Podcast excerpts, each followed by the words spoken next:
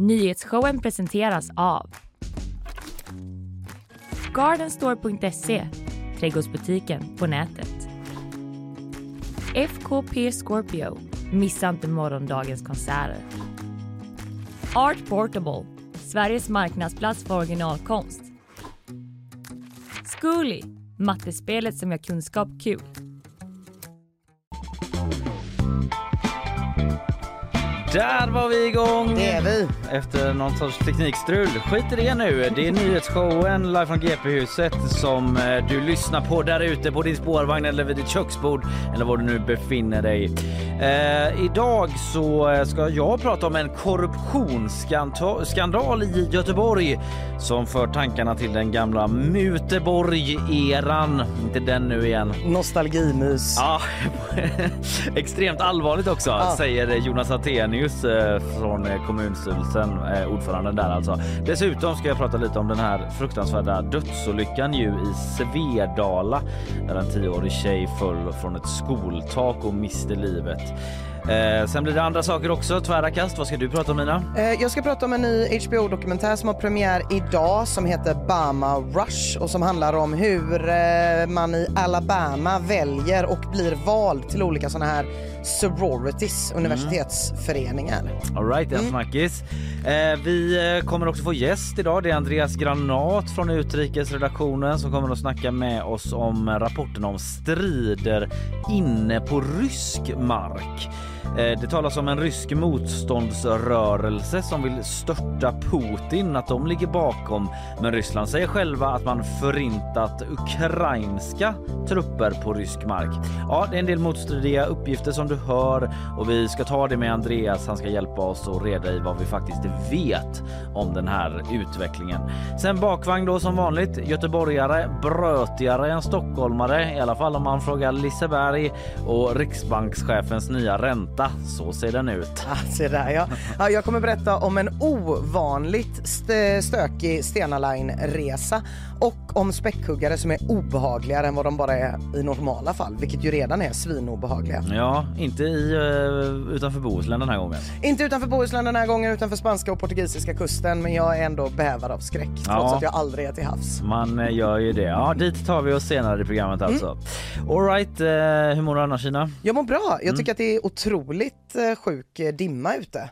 Ja, eh, det är bara som att eh, man kan, känns som att man bor högst upp i Karlatornet tänker jag när man ser den här utsikten. Ja, där är det ju alltid dimma. Ja, men precis. Upplever man. man upplever det att den dyraste våningen i Göteborg kommer ha den här utsikten alla dagar. Ja, det är som att stirra ut i en vit vägg närmast så som det ser ut nu här i GP-huset i alla fall. Precis, precis. Så det är lite den stämningen. Vi lajvar rika när man tittar ut och det känns, känns bra tycker jag. Mm, hur är det med dig ja, Kalle? Bra tips eh, i dimma. Man kan eh, lajva rika. Nej, det är bra med mig. Eh, det är inga konstigheter. Nej. Jag har, ing- jag, har inget, jag har inget att säga om det så vi går rakt in eh, på nyheter istället för att liksom, tråka ut folk med mitt. Eh, liksom. Du har spilt yoghurt på skjortan, det kanske är en grej folk Ja, vill veta. men det var länge sedan. Den har bara hängt i Jag har redan snackat om det igår.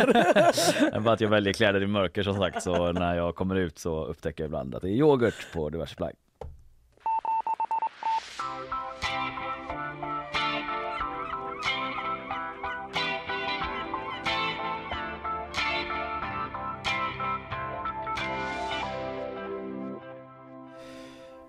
Du, i söndags så kom ju den här oerhört tragiska nyheten om att en tioårig flicka ramlat från ett tak på en skola i Svedala i Skåne. Och det konstaterades senare då att hon dog av de här skadorna från det fallet. En ort i chock, självklart, och sorg naturligtvis. Och jag tänkte vi ska mm, prata lite om det här nu. Man har ju såklart i efterhand försökt eh, söka svar på hur det här kunde hända.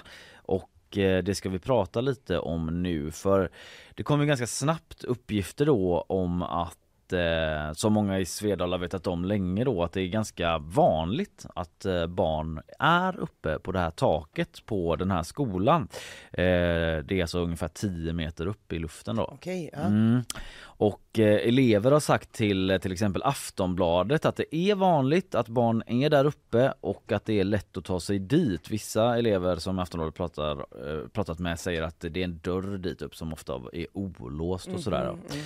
Och eh, Sydsvenskan har också snackat med eh, elever som gått på skolan för länge sedan. Eh, till exempel en som heter Mattias som gick där på 90-talet redan och han säger att han och hans polare de var jämt uppe på taket som han uttrycker det och att det var skitlätt att komma upp då mm. redan då. Sen är det oklart liksom, i hur stor utsträckning barn har varit där ja. i alla dessa år men det står i alla fall verkar vara tydligt att eh, det har varit något som har försiggått i många år. Och det är Fredrik Axell då är utbildningschef i Svedala kommun. Han har fått eh, mycket frågor kring detta och han säger att han känner till att barn har varit uppe på taket men att han inte förstått i vilken utsträckning då. Det har handlat om att det är något som generellt också pågår efter skoltid.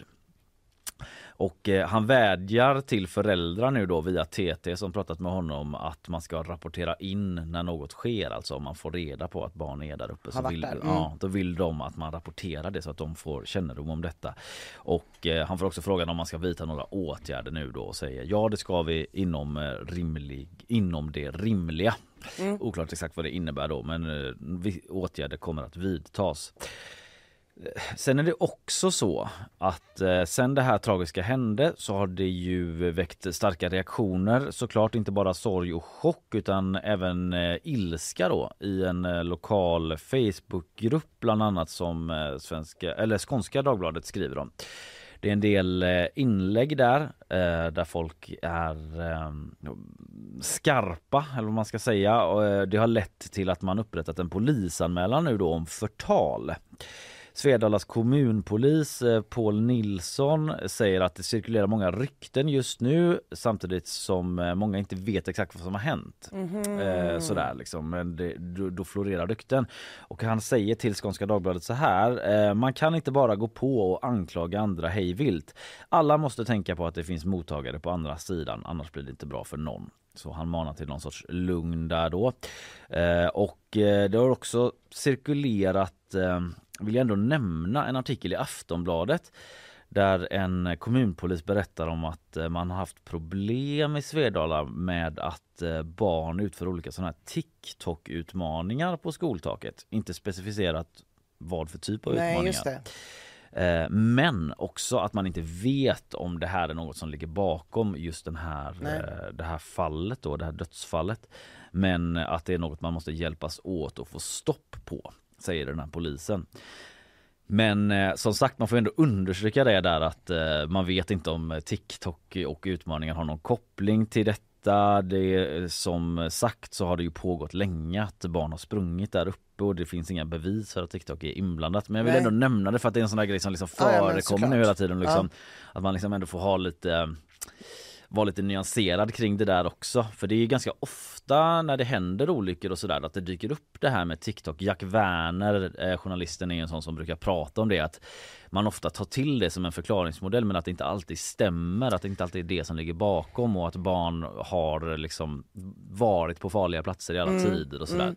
Ja, det blir tydligt när det är fenomen just som har funnits tidigare och som finns idag som mm. man kan se i diskussionerna kring boffning exempelvis. Ja, som ju i alla fall för mig då som är född 83 kändes som någonting som äldre generationer snarare ägnade sig åt. Det var ja. liksom inte lika populärt bland vår generation som det, man förknippade med lite äldre. Och nu har ju boffningen ökat eller man får liksom, det, det finns en del artiklar i alla fall om att ja. boffningen har ökat och då kan ju det kopplas till TikTok menar man. Men samtidigt, och samma när man pratar om svimning för ett tag sedan. Att, ja. ja nu, men, men det kommer man ju ihåg att det skedde ju ja, i Sjöbodar. Liksom. höll vi på med. ja, mm. Det var ju liksom, vår generations boffning. Mm. Så att det här med att liksom eh, eh, TikTok, Eh, ja, att saker som barn gör finns på TikTok, ja det är ju viktigt att ändå tänka på utan att dra för stora växlar på det. Ja men precis, eh, man får ju hålla helt enkelt i huvudet att vi inte vet vad som har mm. hänt här exakt. Det är väl liksom eh, nyckelmeningen i det hela.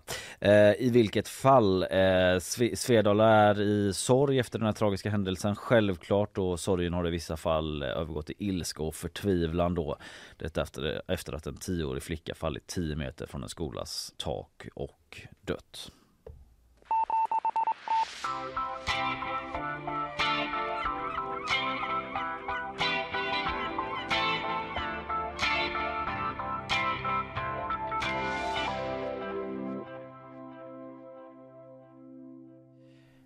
Vi eh, går vidare och vi tar oss eh, till Göteborg då. Korruption Ina! Nämen, Mm, korruption här i kära Göteborg. Vi ska tala om en skandal i ett kommunalt bolag. Det handlar om vinfestivaler, det handlar om fotbollsbiljetter och golfresor. det låter som en korruptionsskandal som har allt. Haha, en uh, mysig cocktail. Eh, mutor och bjudresor alltså och bolaget i fråga heter Älvstranden Utveckling AB. Vad gör de då? Jo, men det är ett kommunalt bolag då som ansvarar för stadsutvecklingsprojekt. Till exempel då så eh, basar man för utvecklingen av Masthugskajen, Skeppsbron och Frihamnen. Så det är inga små puckar direkt. Nej, det är- känns som ställen där det händer rätt mycket nu. Prime Real Estate. eh, där Som det ska du hända. brukar säga. Ja, det är lite som jag brukar slänga mig med. Jag är lite så international. Men eh, där eh, jobbar de och Ja. har koll på det. Och den här skandalen då, den består i att det här bolaget ska ha mörkat den här misstänkta muthärvan och ko- korruptionen bland annat. Man fick reda på detta via en extern revisor som kom med en, en revision av bolaget 2020 och då upp, eh, de här eh, uppgifterna om eh, olika bjudarrangemang då, eh, bland annat med liksom Blåvitt-biljetter och sånt där som ska, en tjänsteman eh, ska ha fått eh, som har varit i kontakt med leverantörer då. Ja, och då gick man raka vägen till polisen och sa det här verkar inte se rätt ut. Det är någon i vårat, våran organisation som inte sköter sig. I den bästa av världar hade man gjort det. Men det var just det man inte gjorde. Vi eh, ska backa lite så här. Det är, är så att eh, det kommer dessutom eh, krav nu då på att eh, vdn för det här bolaget Lena Andersson att hon ska få sparken. Hon eh, har, vägrar också svara på mediers frågor. Oj. Vi återkommer till det. Men det var i alla fall så att tidningen Expressen var först med att skriva om de här misstänkta mutorna och korruptionen. Alltså man gjorde det i år då tidigare i maj och man kunde rapportera just då att en anställd i det här bolaget Älvstranden eh, har bjudit på whiskyprovningar, matcher på Blåvitt till exempel och, och golfresor och så vidare. Eh, och eh, det framgick av en revisionsrapport som gjorts av det här bolaget eh, som en extern revisionsbyrå som heter KPMG gjorde. Eh, det är sånt som görs ibland att man plockar in Ja, utomstående just för att kolla Mm. på grejer och sådär. Eh, och då fick man som Expressen skriver tydliga indikationer 2020 alltså Mm. via den här rapporten på att det inte står rätt till mellan en tjänsteman i bolaget och leverantörerna som han hade affärer med. Och då eh, handlade alltså att det stod i rapporten att det kunde handla om brott som bedrägeri, stöld, mutbrott och trolöshet mot huvudman. Det skrevs i ett internt arbetsdokument som kom liksom efter den här revisionsrapporten skriver Expressen då. Så där började komma uppgifter om att så här, det här sitter bra ut. Nej. Det är biljetter och det är bjud och sådär. Det, det, här borde man ju kolla vidare på så. Eh, men trots detta då, som vi var inne på, så anmäldes ingenting till polisen. Istället stängdes den här tjänstemannen av och fick fyra och en halv arbets, arbetsfria månadslöner Jaha. i utbyte med, mot att det skulle hållas hemligt, skriver Expressen. Eh, enligt uppgifter till Expressen då. Den här revisionsrapporten eh, där de här uppgifterna framgick då, eh, den kom alltså redan för tre år sedan. Men det är först nu i år, efter Expressens granskning, eh, som det inleddes en förundersökning då om givande och tagande av muta. Och parallellt med det så har kommunen själva haft en granskning av bolaget och den kom eh, bli färdig i måndags. Aha. Presenterades då. Och det eh, finns en artikel om det på gp.se idag. Och det framkommer då att det begåtts en rad allvarliga fel menar man i den rapporten. Där vissa saker kan vara brottsliga. Ah. Mm. Eh, och socialdemokraten Jonas Attenius som eh, numera då är ordförande i Göteborgs kommunstyrelse. Han säger till oss på GP att han får onda aningar tillbaka till en gammal bolagskultur i Göteborg. Att man rensat bort mycket av det idag men att det låter som en kvarleva som måste lyftas och rensas rejält. Muteborg tänker han väl på gissar jag. 13 år sedan är det ju sedan Uppdrag granskning avslöjade den här stora muthärvan i stan och åren gick och det där satte sig ett tag och så har man väl glömt det lite grann Ja. Göteborg. Det var Ja. länge sedan jag sa det i alla fall. Ja. Men nu dyker det upp i huvudet igen. Eh, De fick ju Guldspade för Uppdrag granskning och i, i förlängningen skapades då det öknamnet med Göteborg. Och den här tiden som Jonas Attenius drar sig till minnes, eh, det är den han drar sig till minnes då alltså, samtidigt som en kall kår eventuellt löper längs hans socialdemokratiska ryggrad. Kan man tänka sig. Ja. Och i den här kommungranskningen då som kom i förrgår, eh, som just blev färdig då alltså, så framkommer det att bolaget Älvstranden Utveckling AB jag påminner, det är så de heter, eh, begått en rad allvarliga fel då efter att den här revisionen kom. Du vet den där första Ah, ja, då, men där man precis, precis när man den. var lite så här, du får gå i fyra och en halv månad, säg ingenting till någon. Eh, vi fortsätter. Ja men precis, vi polisanmäler inte. Nej, vi polisanmäler inte, men vi kanske också gör lite mer. Är det så man ska tolka det? Hur menar du? Gör Nej, jag menar alltså all, all, alla de här incidenterna som det handlar om, är det saker som hände innan Ja. 2020? Okej, ja precis, det hände innan 2020 ja, jag så det var inte typ varit- sådär. Nej, jag trodde man hade varit såhär, nu nu får du vara det här, tyst i nu drar vi och golfar, vi har fått det gratis. Det var inte så liksom, det framgår inte att man fortsatte. Utan mer då att man fick reda på Just vad det. som skett men inte gick till polisen. Just det, just det, just det. Eh, och, eh, Ja, det är illa nog. Ja det är illa nog, ja precis. Eh, bland annat så skriver man i kommunens rapport nu då att man borde polisanmält det redan då, vilket man ju inte gjorde.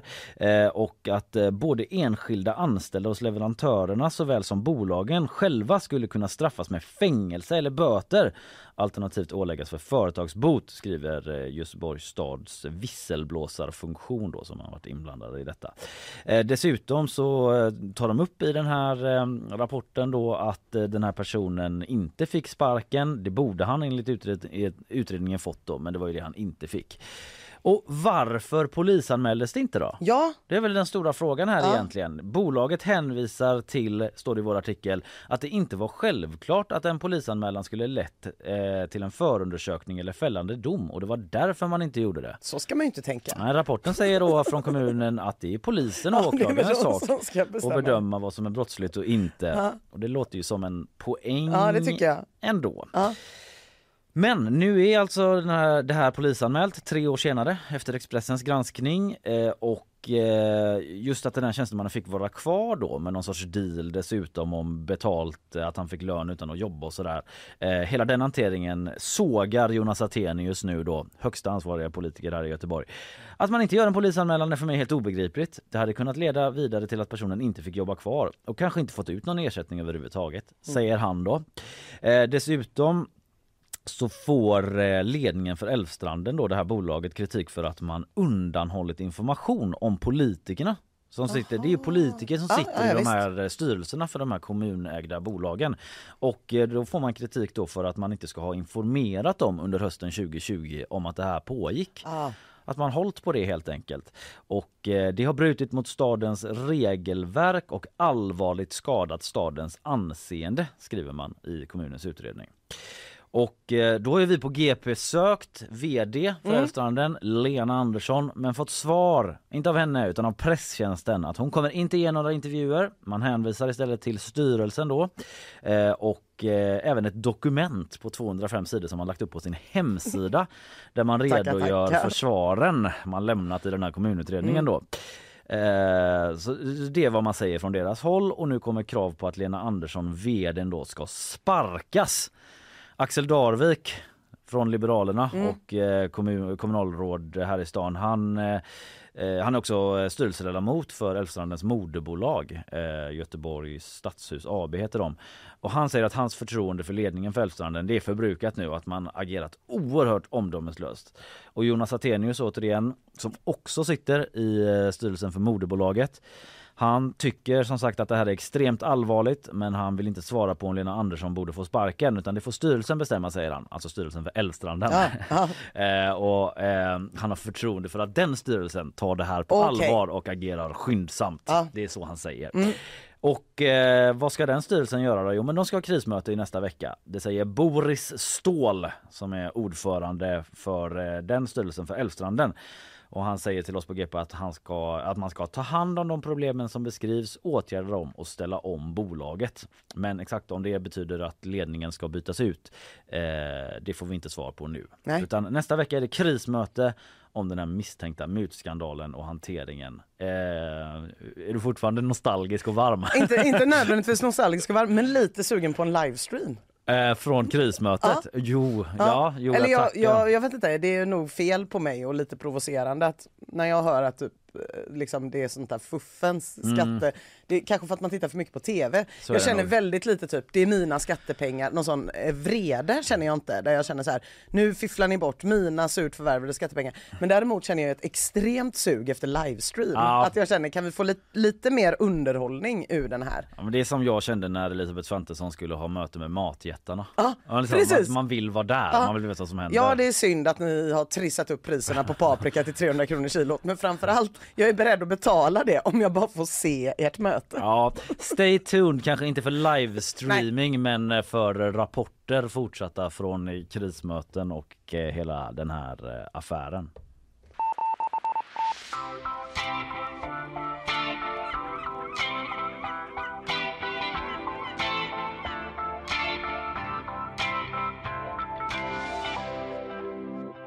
Ja, eh, snart eh, så ska du ta oss med till eh, Alabama. Ja, omtalad dokumentär som släpps eh, idag eller? Idag släpps den Idag på... släpps den.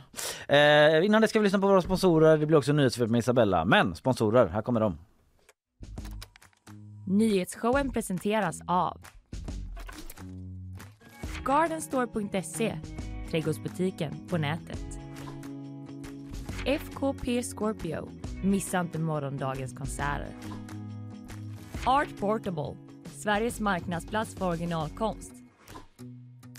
Zcooly, mattespelet som gör kunskap kul.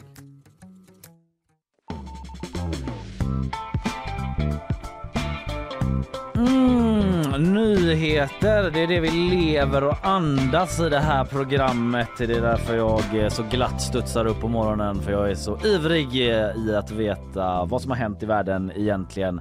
Och vad passar då bättre än att vi får besök varje morgon av dig Isabella Persson? Ja, hej. Känns som att det är mer andas pollen just nu än vad nyheter, men jag Ja, ska väl ja. försöka. Just det. Jag har så svårt att relatera till det där med pollen eftersom jag aldrig liksom har drabbats av det. Det trökigaste man kan höra är någon som tjötar om pollen eller? Ja, Man måste också få ventilera Isabella. Ja. Det är Ja. jobbigt liksom. Jag hör dig. Men eh, färdigventilerat Med det sagt, kul! med det sagt så ska vi skifta i ton då och eh, gå över eh, till eh, nyheter som du ger oss. Ett stenras stoppar trafiken i Chalmerstunneln. Ena röret, röret har stängts av efter att stenar rasat ner vid infarten och nu under morgonen är sträckan Ullevi södra till Korsvägen på linje 6, 8 och 13 indragna. Västtrafik hoppas att tunneln kan öppna igen under dagen men i nuläget finns ingen prognos. En 23-årig kvinna som jobbade på ett LSS-boende i Borås misstänks ha länsat en brukares konto. Anhöriga upptäckte att kontot var tomt och att pengarna gått till ett guldinköp i Göteborg. Den 23-åriga kvinnan misstänks nu vara en seriebedragerska och tillsammans med två andra personer ska hon också lura taxichaufförer på stora summor genom att kapa deras bank-id. Kvinnan sitter nu häktad och åtal väntas inom några veckor. En person har i natt gripits efter att, ha- att han kört in i säkerhetsbarriären utanför Vita huset. Han ska sedan gått runt med en nazistflagga och skrikit men greps då av polis. Enligt källor till AP ska han sedan i förhör sagt att han ville mörda president Joe Biden. Biden själv har via sin pressekreterare sagt att han är lättad att ingen skadades i samband med händelsen. Och vi fortsätter i USA där Floridas guvernör Ron DeSantis länge pekats ut som en av de möjliga presidentkandidaterna när Republikanerna ska utmana just Joe Biden om presidentposten. Enligt källor till flera medier väntas DeSantis ge besked om sin kandidatur idag och det ska ske på Twitter under ett livesänt event tillsammans med just Twitter och Tesla-ägaren Elon Musk. Musk själv har sagt i en intervju att en intervju kommer ske och att den kommer innehålla ett stort tillkännagivande.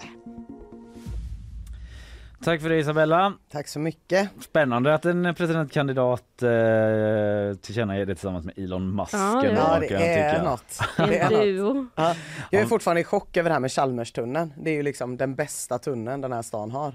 Var det stopp i den eller? Ja det var stopp. Ja. Jag hoppas att det löser sig under dagen. Ja. Jag, jag vill inte leva i ett Göteborg där den tunneln inte finns. Jag har levt i ett Göteborg utan den tunneln. Men jag tycker det finns... Du som eh, älskar sexan också så Ja, mycket. Just Ja, det. Ja, men förlåt, jag tycker det finns vissa, vissa spårvagnslinjer känns som att man tar en genväg. Exakt! Det är Chalmerstunneln. Det är Chalmerstunneln. Stenpiren är också det för Ja, mig. Det är en exakt. genväg. Verkligen. Ja. Det är så, alltså, om man då bor i Majorna som jag gör och ska till Korsvägen Mm. och när man kommer på det, vänta, kan ju ta spårvagn till Markland, byta till sexan, lura innerstan på en trafikant.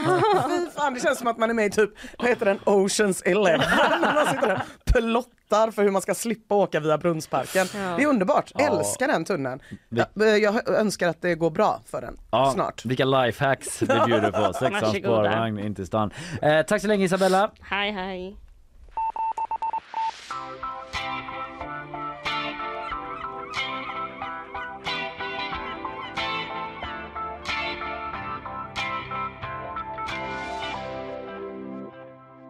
Ja du, idag släpps det en ny dokumentär på HBO som tydligen heter Max, men det kommer inte jag låtsas om för då förstår ingen vad man pratar Just om. det, HBO vill heta det nu. Ja, ja, ingen vet, så att det blir HBO. Ja. Eh, Den här nya dokumentären heter i alla fall Bama Rush och där behövs det lite bakgrund. Det ser jag på dig, din blick. Du ser Ja. jätteförvirrad ut. ja, verkligen.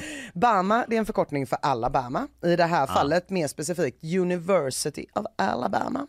Och Rush, det är den rekryteringsprocessen som finns, inte till universiteten, utan till universitetets sororities och fraternities. Just det. Jag ber så mycket om ursäkt för de här engelska orden. Det är jättetråkigt att vi måste använda dem, men det måste vi tyvärr. Eh, fraternities och sororities är liksom klubbar på universitetet. Många har säkert hört om dem eller sett. Typ. Såna här alpha kappas. Alpha Kappas, Alpha Beta Gamma, Phi Phi Omega. Man blir invald i de här eh, och det finns på jättemånga amerikanska universitet. Det kallas för Greek system i USA. De är ju besatta av allt som är gammalt, äldre än dem. Varför vill man vara med i en sån här förening då? Jo, men det vill man för att man kan få kontakter som kan vara bra i karriären, man kan få hjälp till prov och kanske framförallt för att man vill vara med i rätt förening. De är ju rankade de här. De rankade Mm, också. de är alltså rent rankade. officiellt utifrån ett system? Typ, Inte eller mer? helt officiellt, men allas, det verkar ändå som att alla som deltar i den här rush-processen kommer säga på exakt samma sätt i vilken ordning Alla rankningen går. vet vad man helst. Alla vet. Eh, Men det är också och- att man är, liksom får tillgång till feta fester och sånt eller? Ja, det är tyvärr lite så att då fraternities som är för killar Ja. och sororities som är för tjejer funkar på lite olika sätt. Eh, och det framkommer lite i den här dokumentären att det som nog i alla fall rankar sororities är ifall fraternitiesen tycker att de snyggaste tjejerna går där eller inte. För de har vissa fester där de bara bjuder in en sorority. Och då är det väldigt hypat att få gå då på den. Ja, det, det är lite, lite deppigt. Jag försökte hitta en översättning för att det är hemskt att säga engelska ord, särskilt ett engelskt ord som sorority. Eh, men när man försöker översätta det på Google så får man kvinnoförening. Ja. Och det doftar inte liksom coola college-tjejer. Det Nej. doftar kyrkkaffe, virkning. Ja, eller någon sån uh, ABF. Mm. Ja, eh, väldigt mycket liksom. ABF. Ja. Ja, det går inte. Så vi får fortsätta säga sorority. Ja, kämpa med de eh, ärren. Snabb, två snabba. Mm. Det har gjorts lite försök i Sverige att ha ett Greek system här med. Eh, det har inte gått jättebra. Jag vet egentligen bara ett för att det står inte om det här någonstans. Men det var att på Hvitfeldtska fanns det på min tid något som hette Det äldstes råd. Ja, det fanns när jag gick där med. Det fanns Mm, där du ja. gick där med. Men I alla fall vi... i skolkatalogen. Det Ja. var enda gången jag såg dem. Nej men det fanns eh, även, vi får förklara då för de som inte vet att på Hvitfeldtska så fanns det en bild i skolkatalogen på något som hette Det äldstes råd. Och deras eh, funktion, eh, som jag förstod det då, var att det var en fest, det var bara killar som var med i Det äldstes råd. De hade fest där de liksom bjöd in de unga de nya som började ettan på gymnasiet, de snygga tjejerna till sin fest och de här killarna gick i trean och hade ganska gott om pengar. Hvitfeldtska satte stopp för det här sen. Jag har inte Ja. hittat någonting skrivet om det tyvärr. Jag hade gärna kunnat ha lite mer kött på benen Upplagt än... för eh, katastrof. Ja, eh, nej, men verkligen. Mm. verkligen. Eh, Men så har ju inte vi det, utan i Sverige har vi ju istället vid universitet för att, som på vissa sätt kan fylla en liknande funktion, nationer. Ja, Som det heter då. Typ kårverksamhet och sånt. Ja, kårverksamhet har man ju också, eh, där det mer kanske är kring ett intresse. Ja. Men när det gäller att ha ett visst hus Ja, ja, som man kanske Mm, har och som har det. funnits länge, då är det ju nationer. Och det här har ingenting med det här att göra utan jag vill bara skohorna in att jag har blivit vald till hedersledamot Ja, i Uppsala nation. Jag såg det på Eh, Instagram. Göteborgs nation i Uppsala. Det var bland det mest eh, studentikosa miljön du någonsin har befunnit dig i Jag har aldrig jag. sett, va- varit med om något liknande. Nej. Jag var där i helgen, det var otroligt. Jag fick ett band. Ja. Nej, det var så bra. Jag fick hålla i en stav, det var underbart. Eh, Det har ingenting med detta att göra, jag ville bara skryta, utan vi ska prata om Bama Rush. Ja. Och den här grejen då började som allt gör nu för tiden på TikTok. I augusti 2021, då satt människor världen över klistrade vid Rush Talk som en av de populäraste hashtaggarna på den här tiden var. Där kunde man då följa unga hoppfulla tjejer, för det var framförallt tjejerna, som fick berätta om vilken sorority de hoppades bli utvalda till, vad de hade för strategier för att komma in, vad de skulle ha på sig för kläder, vad de skulle ha på sig för smink. Det var mysigt, det var perfekt dramaturgi även på liksom en splittrad plattform som TikTok. För allt är så jävla tydligt, det finns en dag när det bestäms och det, det. finns inga gråskalor, du kommer in eller kommer inte in. Vissa är härliga, de kan du heja på, vissa verkar onda, de kan du tycka illa om. Och alltid typ realtid. då. Och allt i realtid. Eh, och i Alabama där blev rushen extra hypad på TikTok för där är den extra stor. Många flyttar till, universitets, eh, till universitetet en hel vecka Eh, när det är en hel vecka kvar av sommarlovet för att hinna mingla och göra ett bra avtryck innan den officiella rushen börjar vid terminstart. Okej. Så det är klart att det var liksom just Alabama som gjorde att miljoner och åter miljoner människor runt om i världen satt klass, eh, klistrade vid Rush Talk då, sommaren 2021. Så här sa en kvinna på TikTok den sommaren. Is anybody else way too old and has too many kids to be this invested in Bama Rush TikTok? Jag, jag. Hon talar alltså om Hon Ina pratar- Lundström. hon pratar om. Hedersledamot. ledamot, i Göteborgs nation i Uppsala. Ja. Eh, och i Alabama där sker den här uttagningen då genom en selekteringsprocess i fyra ronder och avslutas med att alla de här tusentals sökande får öppna sina brev samtidigt på en arena. Och då kunde man ju se då 20, arena? ja, på en jättestor arena. Då kunde man ju se då 2021 hur folk livesände på sina TikTok-kanaler. Det blev tårar, folk blev glada eller ledsna. Otroligt content. Alltså USA är verkligen också så här, the land of reveals. Ja, ja typ. så mycket. Mm, 100% the land of reveals. The land of att vara i en film hela Ja, tiden. ja, typ. precis. Eh, De här ronderna är då typ, en kan vara så här, en intervju med en enskild medlem i en sån här förening. En rond är att man ska gå till de här husen där de här klubbarna, de här klubbarna har ju liksom hus som de disponerar. Mm.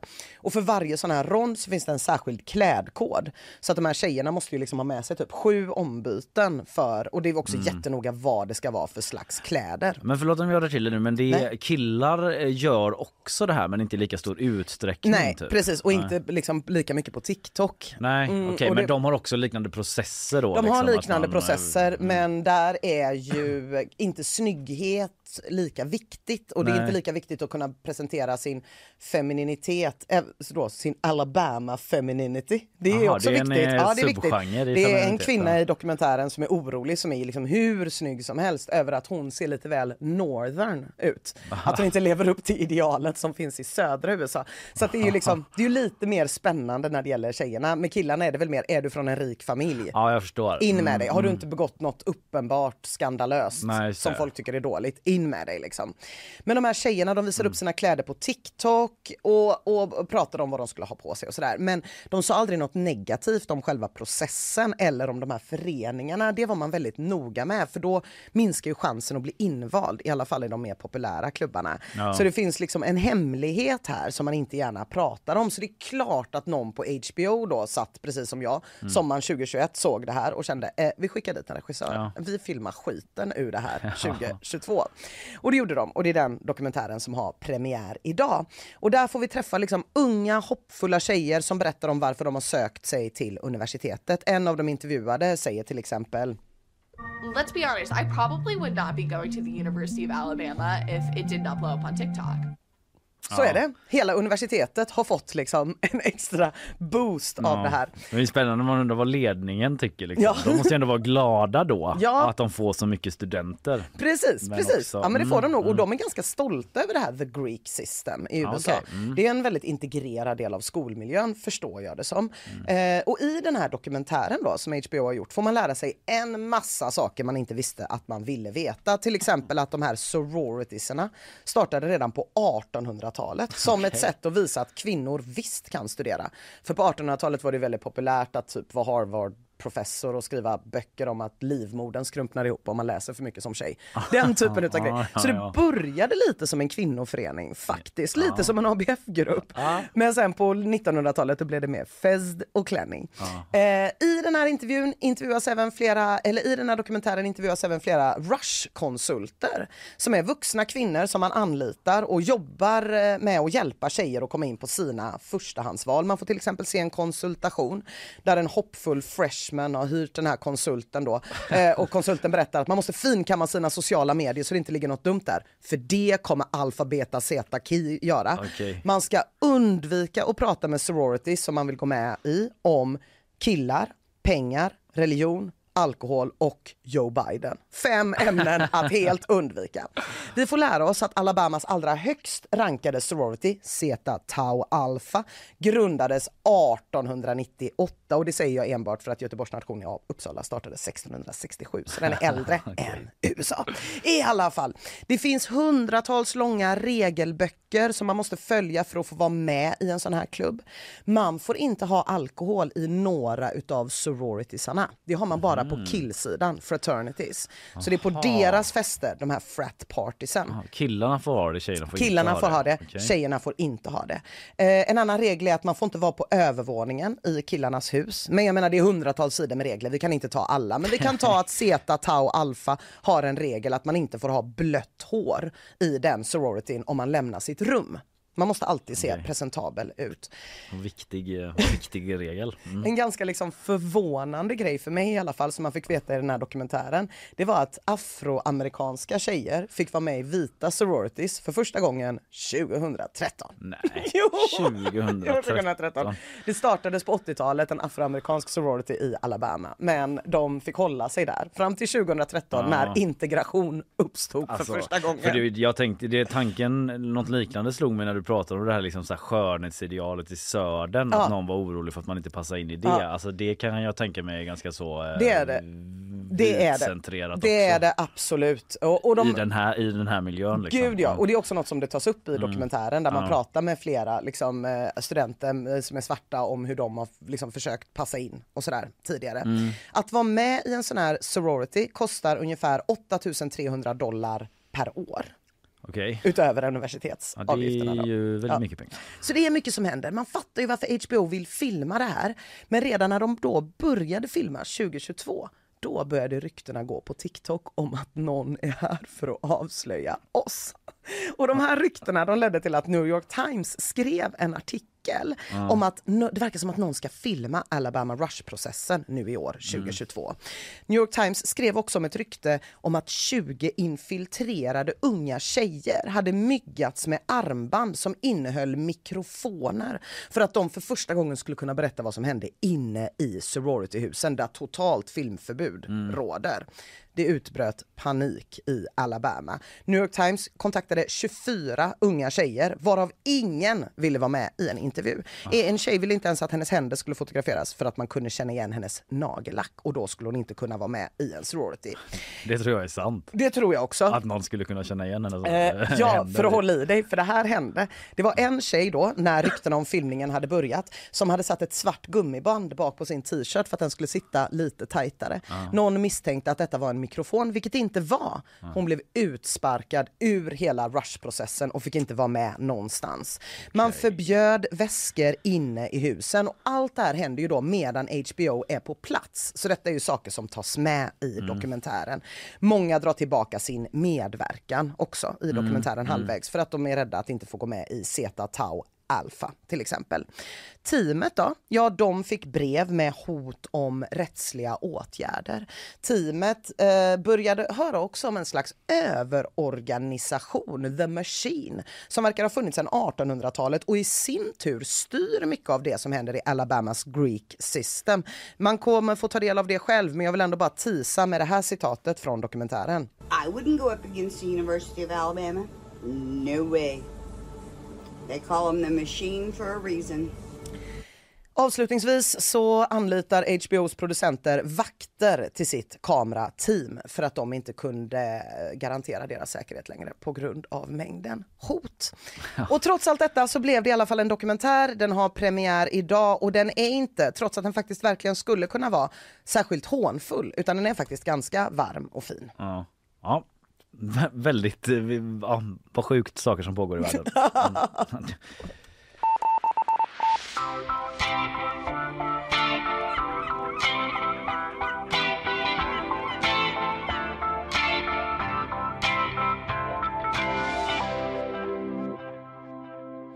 Andreas Granat Ja. heter en eh, kamrat eller kollega. Jag ville bara rimma lite men eh, han är ju från utriket här på GP och han kommer hit till oss eh, om en liten stund eh, för vi ska tala om att det pågår strider inne på ryskt territorium. Eller har pågått i alla fall. Vissa rapporter gör gällande då att det är en rysk motståndsrörelse som vill resa sig mot eh, Moskva och byta ut eh, styret där medan Ryssland menar att det är ukrainska styrkor som är på plats. Det är mycket uppgifter eh, som är motstridiga och svåra att reda i men Andreas ska hjälpa oss att göra det och hjälpa oss att förstå den här nya eh, intressanta och eh, frågeväckande utvecklingen. Innan han kommer så lyssnar vi på våra sponsorer. Nyhetsshowen presenteras av Gardenstore.se, trädgårdsbutiken på nätet. FKP Scorpio, missa inte morgondagens konserter. Art Portable, Sveriges marknadsplats för originalkonst.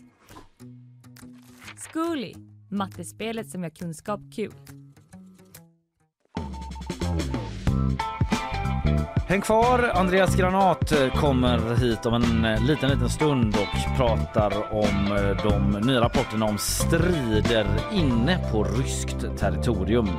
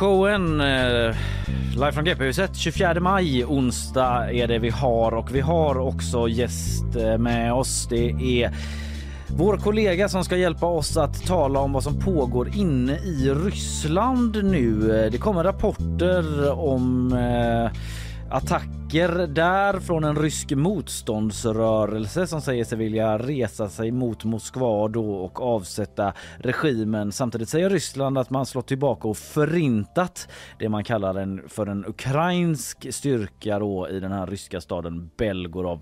Vad är det egentligen som pågår på rysk mark dessutom? Med oss för att reda i detta lite komplicerade är vår kollega som sagt från utrikesredaktionen Andreas Granat. God morgon Andreas. Hej Andreas. Hej, hej.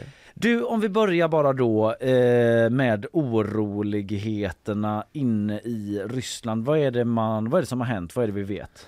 Ja, just den här gången så är det två väpnade grupper som har tagit sig in från ukrainsk mark in i Ryssland och gått till attack eh, på ett mycket mer organiserat sätt, eller storskaligt kanske man kan säga. Mm. Även om det fortfarande är ganska begränsat så är det ändå större än vad vi har sett tidigare när det gäller sådana här intrång och sabotagegrupper som det har varit mycket snack om tidigare. Just det. Eh, man sa sig igår då, har tagit över en gränsby, Kosinka och eh, även har skickat trupper till en, en närliggande mindre stad.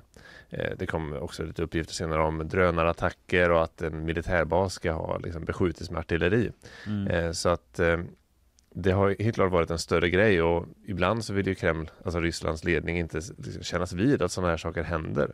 Eh, Men den här gången har man inte kunnat bara sopa under mattan riktigt utan man måste liksom Mm. eh, bekräfta att det har hänt någonting och eh, att det ändå är på allvar. Liksom. Mm. Men, men vilka är det som har gjort det då? Vilka är det som ligger bakom? Eh, ja, men Ryssland säger ju att det handlar om uk- ukrainska sabotörer och Ja. guvernören där har till och med sagt att det de som har dött i den här attacken, de har dödats av de ukrainska väpnade styrkorna. Eh, men Ukraina säger ju att nej, det är inte vi, det är eh, ryska gerillagrupper, alltså ryssar, eh, ryska medborgare. Och det verkar det faktiskt finnas en hel del stöd för. Det finns två grupper då som har tagit på sig den här eh, attacken. Det är dels den ryska frihetslegionen, nu översätter jag det lite fritt, Ja. Mm. eh, och den ryska frivilligkåren. Det är två olika grupper eh, som båda strider på eh, Ukrainas sida i kriget mot Ryssland. Eh, och de har lagt upp videor på sina sociala mediekanaler, eh, filmat sig själva när de är i Ryssland och har visat upp till exempel en död gränsvakt och sådär. Så där, det, det verkar ändå vara de som utför den här attacken. Eh, Vad vet man mer om dem då och deras ambitioner? Ja, nej men det, för mig var de inte helt eh, välkända innan det här hände. Eh, men i den ryska frivilligkårens fall åtminstone, där finns det väldigt tydliga kopplingar till högerextremism. De har en, en ledare som heter, nu ska jag se så jag inte säger fel här, Dennis Nikitin. Mhm. Som har varit väldigt välkänd i så här europeiska nynazistscenen. Mhm. Eh, han, har, han driver ett vit makt MMA-klädmärke och har arrangerat eh, MMA-tävlingar där bara vita får delta. Alltså, han har varit inblandad på eh, många olika sätt eh, och också fått inreseförbud till EU. Eh, Mm. Tack vare det här. Mm. Eh, det har inte stoppat honom från att ändå hålla kontakten med, eh, med organisationer i Europa, alltså andra nazistorganisationer och han är liksom ett namn i den här, den här scenen. Han leder då eh, den här ryska frivilligkåren och eh, i mars så Mm. var han faktiskt i, intervjuad av Financial Times eh, för att, jag vet inte om ni minns det, det är knappt att jag minns det för det är flera månader sedan men. Eh, Det var också en, ett liknande intrång i Briansk-regionen. Det ligger kan man säga intill Belgorod-regionen i Okej. Ryssland. Ehm, och då hade de tagit sig över, också tagit sig över gränsen från Ukraina och gått till attack eh, eh, mot på rysk mark då. Och sabotagegrupper pratades om igen och då svarade Ryssland med ett ganska omfattande robotanfall Ja. mot Ukraina och sa uttryckligen att det här är en hämnd liksom. Ja, okej. Eh, och då, eh, det var väl då som han, han skrev upp den ryska frihetslegionen, eller den ryska frivilligkåren, Mm. eh, kom i strålkastarljuset mer för sin roll i kriget. Att de, att de stred på Ukrainas sida, det var känt sedan tidigare, men att man faktiskt gjorde den här typen av operationer blev väl eh, mer känt då. Man känner mig lite förundrad av bakgrunden på den där mannen alltså. Ja men verkligen, man undrar ju lite vad är det som driver honom till att, eh, till att vara mot Ryssland och för Ukraina? Mm. Ja, han är nog inte... Han tycker nog att... För Rys- först när du sa det, eh, att, att det hade skett en sån här grej, så tänkte Mm. man ah, fan det här är några good guys, det här är några goda Ja. ryska soldater som känner nu får det vara slut med det här omoraliska kriget och så bara nej det var en nazist. Precis. Eh, Frivilliglegionen då, Mm. eh, som eh, eller Frihetsregionen, jag blandar upp namnen på de här två hela Ja. tiden. Eh, där är det lite mer oklart om det finns någon politisk motivation men det är det. ryska soldater som har hoppat av. Just det. Eh, Okej. Enligt de uppgifter som finns i alla fall. Mm. Från ryska armén. Eh, och nu strider mot eh, det här som de tycker är ett orättfärdigt krig. Att de Mm. blev lurade dit och så vidare. Ja. Eh, så det, det verkar vara lite olika där men det finns ju en nationalistisk grundton här ändå på något Mm. sätt. Att man vill befria Ryssland från den här Putin-regimen som man tycker förstör landet. Just det. Just det. Men eh, vad vet vi om eh, hur, för Ryssland säger ju själva då att man har slått tillbaka och liksom förintat de här styrkorna i den här staden Belgorod då. Eh, Ja precis, ja, Belgorod, eh, staden är ju, den ligger lite längre bort men själva regionen heter också ah, Belgorod. Okej, ja, förlåt det är jag som Eh. blandar ihop det. Men vad vet man om, om, om den eh, attacken som Ryssland påstår sig ha Ja. genomfört? De har ju släppt video på eh, ett flyganfall Mm. eh, och det är lite svårt att säga att det är där. Man vet ju, alltså när, speciellt när Ryssland säger att någonting har hänt så kan man nästan aldrig lita på att det har hänt. Nej. Man kan inte alltid lita på att Ukraina säger sanningen heller. Det är mycket propaganda fram och tillbaka här liksom. Eh, men, så det är jättesvårt att veta om de faktiskt har lyckats eh, göra det de säger. Å andra sidan, eh, alltså det finns uppgifterna varierar om det är så här, mellan 80 och 500 sådana här eh, gerillasoldater eller vad man ska kalla dem som, Som har, de har dödat. eh, som har kommit in över Som gränsen. in över gränsen. Ja. Så att, eh, eh, det är ju ingen jättearmé direkt. Alltså, man har svårt att tänka sig att de skulle kunna hålla ut där någon längre tid. Alltså, om de nu skulle försöka eh, gräva ner sig och faktiskt hålla något Ja. territorium. Det låter ju helt otroligt tycker jag. Eh, Men just att de, eller förlåt. nej, men så att, eh, att de har lyckats trycka tillbaka dem tror jag inte är eh, orimligt att, eh, att tro. Sen om de har lyckats döda alla sådär, det, Mm. det kan man väl låta vara osagt. Där. Det, eh, de här grupperna själva hävdar att de fortfarande håller en liten bit av ryskt territorium. Mm. Om det stämmer, det vet jag inte heller. Det är väldigt svårt att, eh, att verifiera det här utan att faktiskt vara på plats. Mm. Eh, och det kan vi ju inte, kan vi inte vara just nu. Jag läste någon eh, analytiker, jag tror det var hon eh, Anna-Lena Laurén i Mm. DN som skrev om att det i vilket fall liksom visar på inkompetensen i den ryska, att det är väldigt genant för dem att det här sker överhuvudtaget. Mm. Vad säger du? Ja men det är pinsamt att man inte kan hålla gränsen då liksom. Ja. För det, här är ju ett, alltså fronten ligger ju inte så långt borta härifrån. Nej. Men det här är ändå en, ett gränsområde där det inte är krig just nu så att säga, Mm. där kriget inte pågår. Eh, eh, Om, jag, om ni förstår vad jag menar med det. Ja, inte lika aktivt som i liksom Ja precis, och samma sak i den här Briansk-regionen, massa skog liksom. Det Mm. var tydligen lätt att ta sig in där och det var också pinsamt då. mm. Eh, att man inte kan ordna det här och Putin har ju sagt till militären att se till att det här inte kan hända igen nu liksom. Mm. Det, eh, så det är klart att det här är eh, jobbigt för, för Putin och för Kreml. Ja. Även om man säger att det här är liksom en grund att fortsätta kriget. Det här visar att vi eh, vi är ett offer. Alltså man kan ju spinna det åt det hållet också. Vi Mm. är faktiskt offer Ja för det är ju det man tänker på. Du, nämnde inledningsvis att det har ju skett eh, liksom andra sabotage och kanske mindre attacker då på rysk mark. Men att Mm. det här verkar ju vara ett steg upp till och med bakgrund av den ryska retoriken som är liksom sådär vi försvarar oss och vi har rätt till att Ja men liksom det är till och med talats om kärnvapen i Mm. den händelse att man själva blir attackerade då. Nu ska jag liksom inte plocka in kärnvapen i detta och liksom skrämma upp folk så men det är ändå någon sorts upptrappning i eh, liksom fientlig aktivitet på ryskt territorium, eller? Ja, absolut. Alltså, Ukraina säger att de inte har någonting med det här att göra, liksom, Ja. distanserar sig på det viset. Eh, sen har de ju medgett att vi snackar ju ändå med de här för att det är klart, ska de rulla på ukrainsk mark med stridsvagnar och grejer och in i Ryssland, det Mm. händer ju inte utan att Ukraina vet om det såklart. Mm. Ehm, men förlåt, nu tappar jag frågan lite här. Nej, men att det ändå får se, eller att det ser ut som någon sorts upptrappning i liksom eh, vad som sker inne på rysk mark. Ja, helt men det, det kan man väl säga, eh, i alla fall i omfattning. Alltså, och det har också kommit fram i intervjuer, vill jag säga att det också var Financial Times, men med Mm. någon eh, brittisk eller amerikansk media så Mm. Var det ukrainska specialtrupper som intervjuades eh, som gör sådana här eh, intrång på Mm. regelbunden basis. Liksom. Eh, så att, att det här har hänt länge, det har väl varit lite som Ukraina vill inte säga att det händer, men det händer. Mm. Liksom, har det verkat som. Ehm, men i den här omfattningen är det klart att det är något större eh, och då är det ju bra för Ukraina att kunna peka på att men det här är faktiskt ryska gerillatrupper eh, och det är väl bara en tidsfråga tycker vi då innan eh, Ryssland eh, liksom börjar falla sö- sönder och att det blir mer och mer motstånd. Man vill ju spinna den idén då Mm. eh, med det här. Eh, så det, det, finns, eh, det finns sätt att använda det här i, oavsett vilket narrativ man vill, vill ha Mm. kring kriget. Liksom.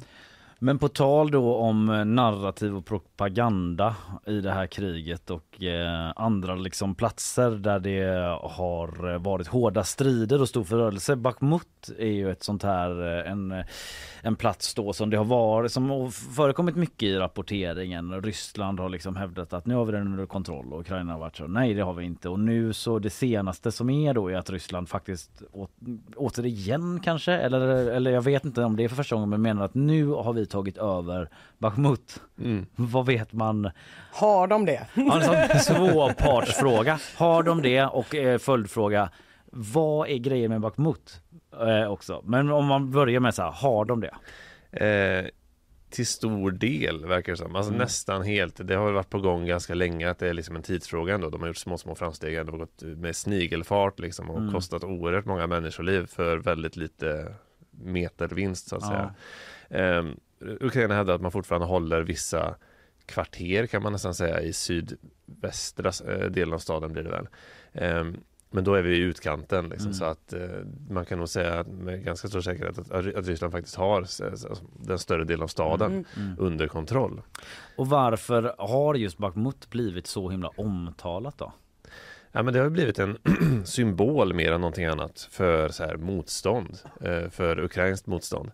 Ehm, att det finns ingen större, och det har ju västerländska så här, militära bedömare sagt under lång tid egentligen, att eh, det är inte en så viktig stad egentligen. Strategiskt är den inte jätteviktig. Nej. Man men det har blivit en sån här, vi ska, vi ska inte ge oss liksom. Ja. Och ni, vi kommer inte att släppa Bachmut. Det har blivit Mm. en mer symbolgrej sådär. Eh, sen var det i vissa skeden av kriget så var det ju en viktig så här, försörjningshubb så att säga Mm. för att få eh, förnödenheter till ukrainska styrkor på andra platser. Men sen när fronten kom närmare så tappade den ju den, Ja, den vikten då. Eh, sen, jag är ingen militärexpert, jag kan inte riktigt säga att, eh, eh, att den inte har något värde alls eller så. Utan, Men den eh, har i vilket fall som helst ett viktigt liksom, symboliskt, moraliskt värde. Absolut, Ja. absolut. Eh, Och de här Wagnergruppen verkar ju ha fokuserat ganska mycket på den. ja, de har ju varit de som har lett offensiven där kan man Mm. säga. Det är de som har varit eh, eh, i staden mest. Sen har ryska armén då varit mer runt om, hållit flankerna. Eh, och det vet jag inte om det har varit mer en slump att det har blivit så. Mm. Eh, liksom att eh, eh, de här gatustriderna är ju inte, det är inte roligt liksom. Det, var- det är inte lätt och det är, det är väldigt bl- blodigt och svårt. Mm. Eh, och då kanske man skickar man hellre in de här fångarna liksom. Just det. Som legosoldaterna än vanliga ryska soldater. Så här. Man har ju kunnat se bilder från förödelsen i den här staden och det ser ju helt bedrövligt och fruktansvärt ut alltså. Ja, den är i princip totalförstörd. Det, eh, Zelensky sa ju när han intervjuade, eller ställde, svarade på frågor tillsammans med Joe Biden att eh, den finns bara i våra, våra minne, liksom, i vårt Mm. hjärta nu. Mm. Eh, det tolkades ju som att man hade förlorat den, det var inte det han ville säga egentligen då, men eh, det, det, det finns i princip inget kvar där. Nej. Men med tanke på det, kommer Ukraina ändå försöka återta?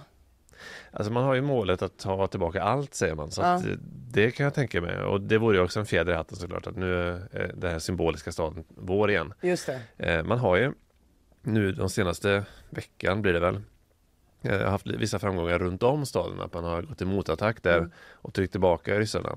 Eh, Mm. Han Prigozjin då som är ledare för Wagnergruppen eh, skrev ett brev, jag tror det var ett brev till eh, försvarsministeriet, eller armén. Håll nu för guds skull flanken, Mm. kämpa så gott ni kan. För att eh, det är ju lite en risk här också om de tar staden men blir inslutna. Alltså om man Mm. skulle tappa flankerna helt då är det då är det inte kul att vara i Bachmut som rysk soldat när, när det är så som det ser ut där liksom. Ja, just det. För man talar ju också då eh, med allt detta som bakgrund då eh, om en ukrainsk eh, motoffensiv och att den skulle inledas till sommaren eller nu under våren. Det har varit olika Mm. uppgifter. Kanske pågår den redan eller så här, vad kan man säga om det? Vad, vad är status på den ukrainska motoffensiven? Ja, det, det är lite svårt att veta för man vet inte riktigt vad det är vad den är så att säga. Man, be- det behöver kanske inte vara så som man föreställer sig att nu smäller det till på ett ställe och nu kör de liksom. Mm. Utan det kanske är så ehm, vi pratade med en expert eh, för ett tag sedan, inte jag utan en kollega gjorde en intervju. Mm. Eh, och han sa att eh, ja, men det kan ju vara, den kan redan ha börjat och det kan vara att de gör små nålstick liksom och testar, kan det finnas någonting här? Var, eh, var, kan, var är det bäst läge att köra sen? Att det kan vara lite fritt. Ehm, och den här det här gränsintrånget då, i Ryssland Mm. kan ju också vara som en del i det här, eh, med, en psyk- ett psykologiskt slag. Liksom. Att eh, knyta upp, dels knyta upp eh, ryska soldater så att man måste, de måste fokusera på det. Mm. Liksom. Eh, men också att eh, sp- sp- sprida en oro, en, så här, en, eh, ett tvivel kanske i Mm. den ryska befolkningen. Att vad är det, alltså vi, vi här, den här speciella militäroperationen och eh, det här att vi ska skydda världen från nazismen som ju har varit eh, selling pointen för Ja. Putin. Eh, Så blir man liksom attackerad av ryska Ja, nazister precis. själv istället. ja, Eventuellt då, eller delvis. Ja. Ja. som vanligt så är det mer eh, komplicerat än eh, vad man kan förstå från början och vi är glada Andreas för att du... eh, Men lite mindre komplicerat nu. Ja, verkligen. Och framförallt ja, nyanserat. Nyanserat, ja. Stor hjälp för oss är du Andreas och du och kollegorna fortsätter ju såklart att följa detta och utvecklingen då i på ryskt territorium numera också då ännu mer. Vi säger tack där så länge Andreas helt enkelt. Ja, tack Andreas. Tack så mycket.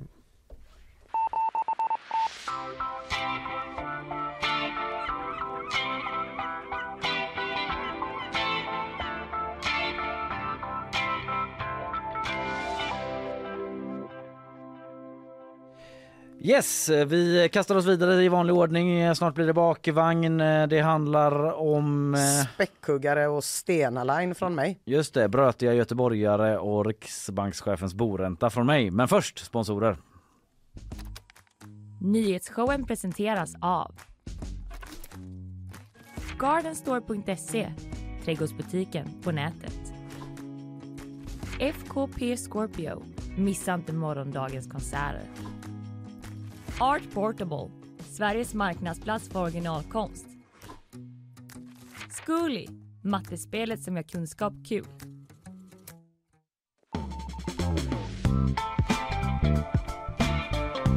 Ja, vi eh, är nyhetsshowen. Ja, vi är nyhetsshowen. Vi är nyhetsshowen. Vi ska få nyhetssvep.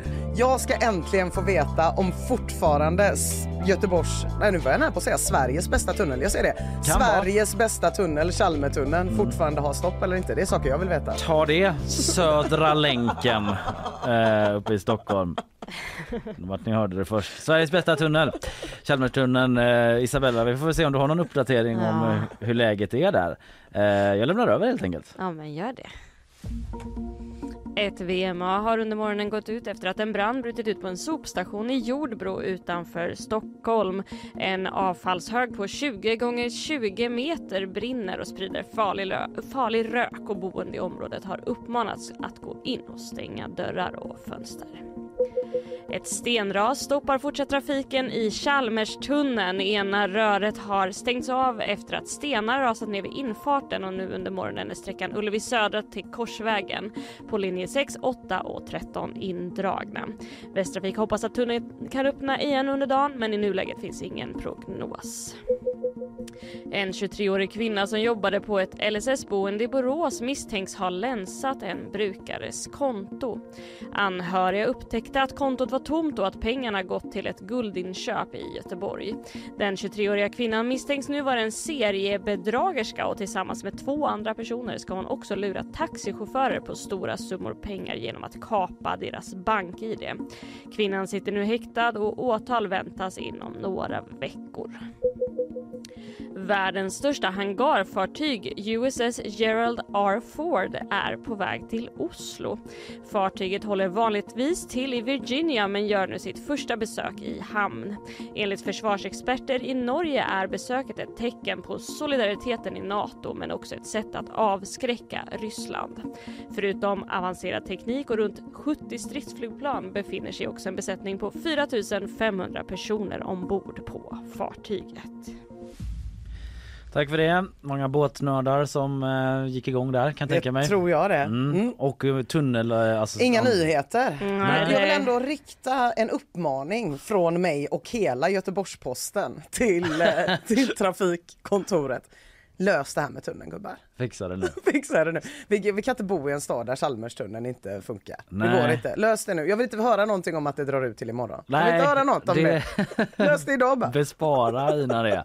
Eh, Men det var ett stenras ju så Ja. täta till där på något sätt. Ja, men fixa Sätt det bara. ett nät. Säkra. Ja, lös det, gubbar. vad, vad man nu gör. Jag vill inte höra någonting om att ah, det visar sig att det tog lite längre tid än vad vi hade trott och plötsligt så är vi inne på 2024 och nej, nej, nej, nej, nej. Ja, det får inte hända, inte med Sveriges bästa tunnel. Tack så länge Isabella.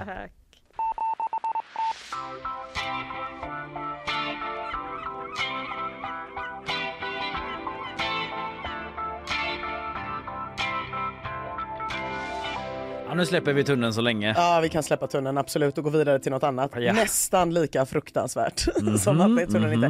Nej, men jag eh, lider av en eh, omedicinerad fobi för valar och späckhuggare. Jag tycker det är fruktansvärt obehagligt. Ja. Ja, ryser. Ja men det är läskigt. Jag har också sån lite sån öppen havsskräck. Ja, exakt. Att det skulle kunna komma något stort på ett vatten som ser stilla ut underifrån, klyva. Nej men det är så hemskt. Att jag skulle hamna i valfiskens buk. Nej, åh gud. Jag, naturhistoriska, det händer inte, jag sätter inte min fot där. Otroligt museum, men jag vågar inte vara nära valen. Jag har vänt när jag sett valfenan Ja. i plast Ja, då på är du värre Ja men det är illa, det är illa. Jag Ja. Insåg att det var för att jag såg Pinocchio som liten, världens hemskaste film. Insåg jag när jag såg den med mitt barn. Ja, Fick kalla kårar Väldigt redan under starkt förtexten. eh, barntrafficking-tema Ja det är så jävla vidrigt. Och det var direkt när det började vara så här, det är härifrån valfobin kommer. Nu vet jag.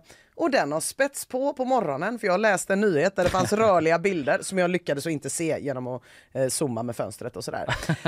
Att späckhuggare nu sänker båtar utanför den spanska och portugisiska kusten. Är jag där? Nej. Har jag båt? Nej. Är jag livrädd ändå? Ja.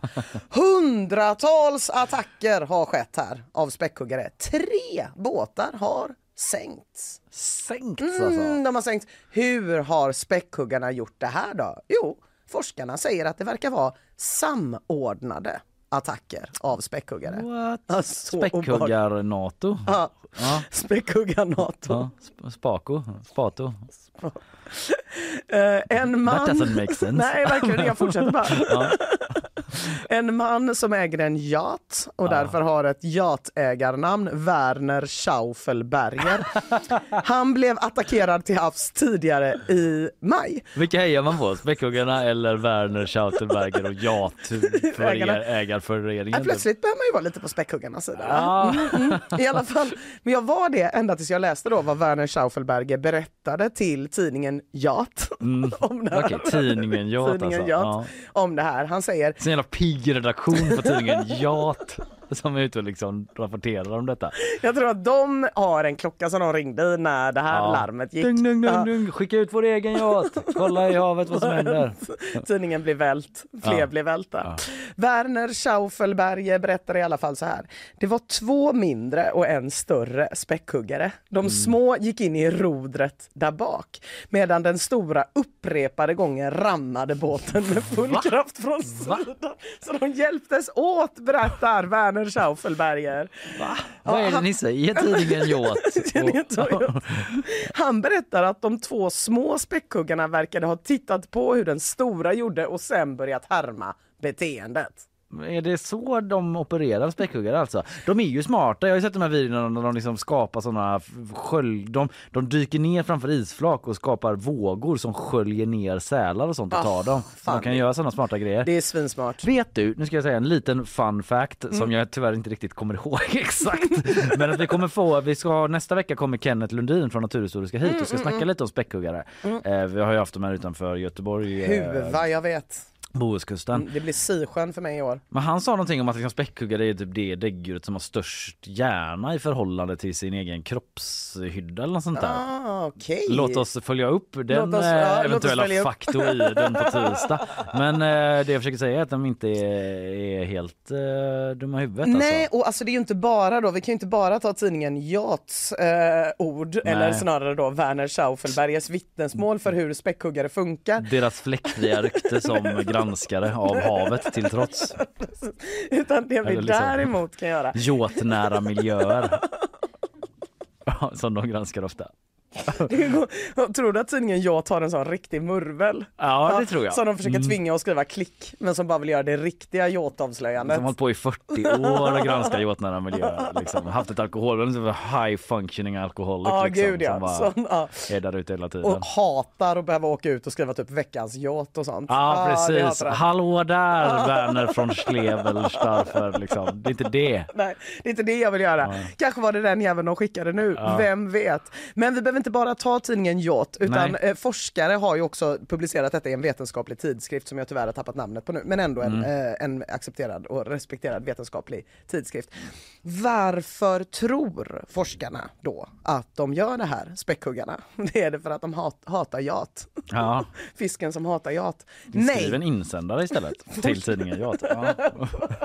Börja där istället för att sänka båtar. Vi vet alla att yachtfrågor ska hanteras på demokratisk väg genom Ja. media och Ja. insändare i tidningen Yacht. Ja. Tredje statsyachtmakten. Okej, forskarna tror i alla fall att det här har hänt. En hona har haft en traumatisk upplevelse med en båt och hon har då börjat attackera båtar. Andra späckhuggare har härmat beteendet. Det är den bästa gissningen vi har från forskarna just nu i alla fall. Och den är ju i alla fall i linje med vad Werner Schaufelberger, numera känd från tidningen Yacht, Ja. hade att säga om det här. Men vad vagt med en traumatisk upplevelse med en yacht, vad Ja, betyder det? Liksom? Under, det, det, eh, formuleringen som användes var inte under en formativ period i späckhuggarens liv. Men jag läste in det mellan Ja, raderna. Att hon det. kanske var typ havande, hon kanske var Mm. nyförlöst. Mamma kan gå crazy under den perioden. Så kommer en yacht. Så kommer en yacht, backa på henne Ja. och då är hon så här, yacht, I Ja. hate you. Nu kommer hela min familjs eh, liksom raison d'être för all framtid vara att hämnas på olika yachts. Som bara ses så. Mark my words! Så sant som jag är en späckhuggare så ska alla yachter dö. Ingen är fri förrän yachten är borta sa de till varandra i en liten, en liten konstigt att de bor i en grotta i Ja, vattnet. Men det det gör de, konstigt. det gör de. De har tänt ljus. Går det i vatten? Det går.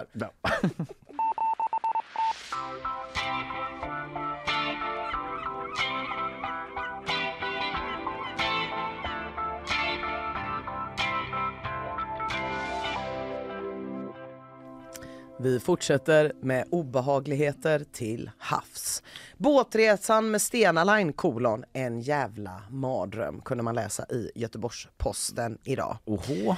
Jo då, och det är inte någon vanlig resa. Nej, skrik, spring, totalt kaos. Det vittnar resenärerna Matilda Lyckner och Erika Karlsson om att de då fick eh, uppleva under sin fyra timmar långa båtresa. Jag har aldrig sett något liknande, säger Matilda Lyckner. Rederiet eh, genom presskommunikatören Stefan Elfström säger det var stökigare än genomsnittsresan. Här har vi Aha. två väldigt olika saker. Alltså både, det är ju inte någon som säger att den andra har fel, men det är en viss skillnad mellan att säga jag har aldrig sett något liknande Mm. och att säga ja, det var stökigare än genomsnittet. Ja, det är ju ändå en skillnad, absolut. Mm, mm, mm, mm. Eh, Vad är det de menar? Hur Beskriv stökigheten då. Jag ska ta oss till Stena Line. Ja. Eh, det, vad kan ha hänt på den här båten? Det kan ha varit olika grejer. Det kan ha varit en lördagkväll. Det kan ha varit det. Danmarksbåten en lördagkväll. Den har jag åkt. Det kan gå vilt till. Det kan också varit det att det var flera ungdomsfotbollslag på den här båten samtidigt. Ungefär 400 ungdomar. Oj, det blir ju väldigt många barn alltså. Det blir väldigt många barn, ystra barn Det som har blir- sprungit och stojat och stimmat och kanske är lite övertrötta efter en kupp Just där de inte har sovit ordentligt. Har många internskämt de vill få ur sig innan de kommer fram till Göteborg. Eh, Inte samma föräldranärvaro liksom heller. Det Nej. är bara någon sån Nej. ledare som sitter och också tar igen sig liksom Ja. efter kuppen. Precis, alla behöver ta igen sig på sina sätt. Ja. Men för Matilda och Lisa blev det här ju inte jättebra då utan de fick sätta sig i färjans djuravdelning med sina livrädda hundar medan de säger att ungdomarna sprang runt, skrek och var otrevliga medan ledarna bara flinade. Mhm. Ja, de tog inte tag i det här tyckte de. Eh, då eh, sa i alla fall Stena Line ute till havs eh, till slut stopp och sa till i högtalarna att nu, nu hjälper vi till att få ner ljudvolymen på båten. Och det funkade Just tyvärr det. inte då. Det funkar inte. Nej, det är svårt ibland det där med barn med att liksom om alla bara kan dämpa ljudvolymen några hekto. Ja precis. Detta var ju ungdomar då så de, jag ser framför mig ett gäng ystra 15-16-åringar som springer runt och skriker som om de var liksom eh, brända med glödgat järn berättar de här kvinnorna. Wow! Ja. Ja, det låter ju Ja, fruktansvärt. det låter fruktansvärt och man blir ju ledsen om man går på den båten men jag har också varit den ungdomen. Ja, Det är det som är det jobbiga här tycker jag. Att jag, jag har ju hund, så fram tills jag läste delen om hunden då var jag ju såhär, jo jo jo, jag kommer ihåg hur det var på bussresorna ner till Prag. Det var väl inte jättekul för dem som kanske ville sova då. Ja, när man satt där och bara skrek rakt ut så. Man hade inget, ord. man hade inget att säga och förmedla mer än Precis. att... eh, Färjan Trelleborg-Sassnitz Ja. där det bara var hundratals ungdomar från Göteborg som satt och skrek rätt ut. Eh, Men sen så, så jag kände lite sådär, jo jo men det där är ju smällar man får ta. Tills jag kom till delen med hundar. För då tänkte Mm. Ja. jag, tänk om jag hade varit på den båten med min hund och fick sitta och trösta min nervösa hund medan det sprang runt en massa ungdomar och bara skrek. Jag hade Mm. gått raka vägen till GP och krävt att Stena Line kompenserade mig på något Ja, sätt. så himla svårt att lösa. De hade varit tvungna att kanske gå ut och ge alla så enkronor så de kan spela på bandit eller du vet så här. Ja precis. Ja, det var... Är det en lösning? Det kan, Ja, jag tänker kanske att att en annan sitter förälder ändå hade still. varit eh, Ja. så.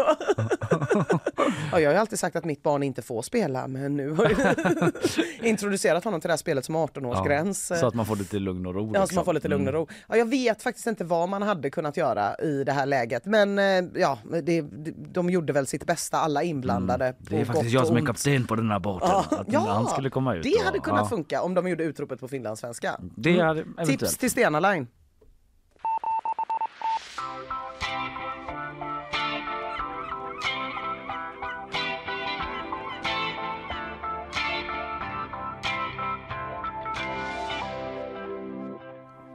Vi eh, talade ju i fredags här i programmet, eh, jag var inte här själv, men om det här med att det har varit lite stökigt på Liseberg. Mm. Inledningen på eh, säsongen. Eh, De har fått eh, rycka en del eh, årskort, eller Ja, sådana här guldpass. guldpass. Eh, guldpass. Jag var ju liksom i prime Liseberg-ålder när det kom liksom. Att man köpte ett sånt och bara fick åka och gå in gratis hela Ja sommaren. men precis, det är ju, upplägget är ju typ du får gå in varje dag gratis, du får Mm. åkpass varje dag gratis och det kostar nu kanske 2000 kanske?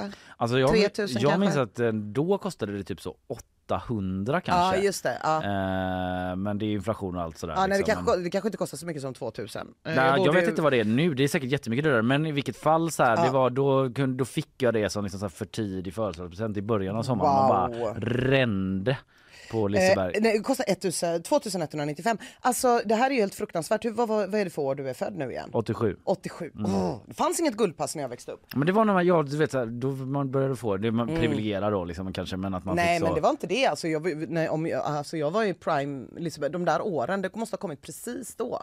Ja. Det vi fick göra var ju att stå utanför och vänta på att folk skulle gå hem. Så hade man en sax och tuggummi och så sa man kan jag få ditt åkpass? Ja, för man hade ju det. liksom årskort för att gå in. Ja. Det hade man ju för det kostade ju inte mycket alls. Liksom. Nej just det, det är svinbilligt ja. Ja, Mm. så, det, så det kanske kostade på den tiden 60 spänn och då Ja. fick man gå till Liseberg varje dag och då hängde man ju bara där. Eh, Men då, ibland så såg man några som gick hem tidigt. "Då får jag ditt åkpass?" Och så tog man tuggummi och satte fast det. Ja. Det funkade och så länge man satte det på rätt hand, vilket jag Just inte det. gjorde alla gånger. Uppmuntrar ingen. Det Inte alls, jag tror inte ens det går längre. Nej det är säkert nya absolut- metoder. Ja, gud ja. Säkerligen. I alla fall då, det, det har varit lite stökigt där inne då och man har rivit eh, årskorten eller guldpasten för 50 gäster ungefär och eh, det har man inte gjort på Gröna Lund. Nej. Det här är uppföljningen då att eh, det näst största nöjesfältet Mm. i Sverige, Gröna Lund i Stockholm, där har man nästan inte dragit in några årskort överhuvudtaget. Och eh, i Sveriges Radios program P1 Morgon igår så talade man med kommunikationschefen Mårten Westerlund på Liseberg om vad det här kan bero på. Varför är det så här att eh, ni eh, skiljer er åt så himla mycket? Han, eh, men, han, men han sa så här. Ja, det kanske är både och. Jag vet inte. Göteborgare generellt kanske är lite brötigare. Ja, att gö- både och syftar till att eh, de kanske har hårdare regler än Gröna Mm, Lund men också just då det. att Göteborg är lite brötigare eventuellt. Mm. Lite kanske att han har glimten i ögat när han Ja, säger nej, men det tror jag. Ja, men vad säger du om det? Nej, jag säger, jag, jag blir ganska äh, upprörd faktiskt, för jag tänker att det är så tydligt att det finns någon policyskillnad. Ja. Och det är väl helt lugnt. Ja. Den vill jag gärna veta mer om. Ja. Jag tänker också att det finns en enorm skillnad mellan Liseberg och Gröna Lund. Där jag tänker att Gröna Lund är mycket mindre. Ja, jag tror att det. det inte alls har samma, samma känsla av att man går och hänger på Gröna Lund. Också att det finns fler platser i, Stockholmare, i, i Stockholm där Mm. 15-åringar hänger, kanske. Lisebergs särställning bland 15-åringar, om vi ska ta den åldersgruppen då, är helt annorlunda tror jag. än bland- Det är lite saker jag skulle vilja veta. Jag vill inte få ick, ett icke-svar och någon slags förklädd komplimang om att vi är lite brötigare. Nej precis, förklädd på, precis det är Ja. väl det det är ja. Nej, att han säger det på ett sätt som att eh, alla ska skratta medhållande på Men något precis, sätt. det kanske också är att jag är ganska trött på den här, nu blir det ju jättepinsamt då, för att jag vet ju att det finns riktig rasism och jag Ja. kommer inte börja prata om att det finns rasism mot göteborgare här och Nej, nu. nej, nej. Men, men, men jag kan ändå bara vara lite trött på den här bilden av göteborgare som typ dumma, glada, skrikiga, hopp, hopp, Ja. hopp, hopp, hopp. Framförallt när man är i Stockholm. Att varje gång man är i Stockholm så är typ folk så åh, säg något roligt om karameller i tjocke going och man så Ah. happare, happare, och så lever man upp till det. Det kanske är därför det gör ont. Ja, Ja. kanske men man får väl också vara lite brötig eh, tänker jag på Ja precis, det måste man ju få. Ja. Alltså jag tänker spontant, eh, min dotter har ju liksom guld eh, sånt här Mm. pass då, eh, så henne kommer jag inte se på hela sommaren. Och spontant så tänker jag väl att det är säkert nödvändigt med tanke på, de har, säljer ju inga fler guldpass nu för de har sålt så himla många efter pandemin och allting. Ja. Det är säkert nödvändigt att hålla ganska kort eh, kort Kort, eh, vad ska man säga, kort koppel Ja. på ungdomarna. Det är nog ganska bra, eh, alltså för att Liseberg ska kunna göra sitt jobb så är det nog ganska bra att ryktet börjar gå bland kidsen att Mm. om du tränger dig före i kön och någon säger till dig och du inte går bak, Ja. då kan du få ditt guldpass indraget. Det är ett rykte man vill ha tror jag. Ja, ja men precis. Det är bra för att få ut sprida ordet om Ja. det. Ja. ja men också det där att det, typ stockholmare då gillar så himla mycket när göteborgare är brötiga och Ja. drar ordvitsar och sådär. Precis. Jag tänkte på en grej. Det finns en sån skämtstruktur på typ Typ Twitter som är så här. Varför nu ah, måste jag ha det framför mig. Jag skulle förberett det här så här. Men varför heter det X när det borde heta X Just och det. så är det typ en ordvits. Just det, just det, just det. Och att det bara liksom är en skämtstruktur, det är ju Göteborgsskämt. Ja. Alltså det Ja. ja. Göteborgs som liksom någon har hittat på bara för att liksom hitta ett annat sätt att Ja. dra typ Göteborgsvitsar. Ja. Eh, vilket jag stör mig på. Ja, att det ska låta lite mer classy. Ja, Typ. exakt. Och eh, man har liksom levt med att folk eh, förväntar sig... nu låter man som en kränkt som en minoritet. Ja, men typ. precis. Ja, det blir men att lite- folk förväntar sig att man ska liksom älska ordvitsar men eh, det är inte jag som gör det. Nej. Det är så här, jag, ty- aj, jag kan liksom uppskatta det as much as the next man men det är du som gillar det. Ja, Det är du det är som du som gillar gillar. det. Ja, ja, Ja, i alla fall. Han sa också så här om hur folk har varit på Liseberg i början. Ja, det här är ju ett problem som vi ser just ofta i försäsong. Det är lite som, som kor på grönbete och vissa kor kan inte riktigt eh, bete sig.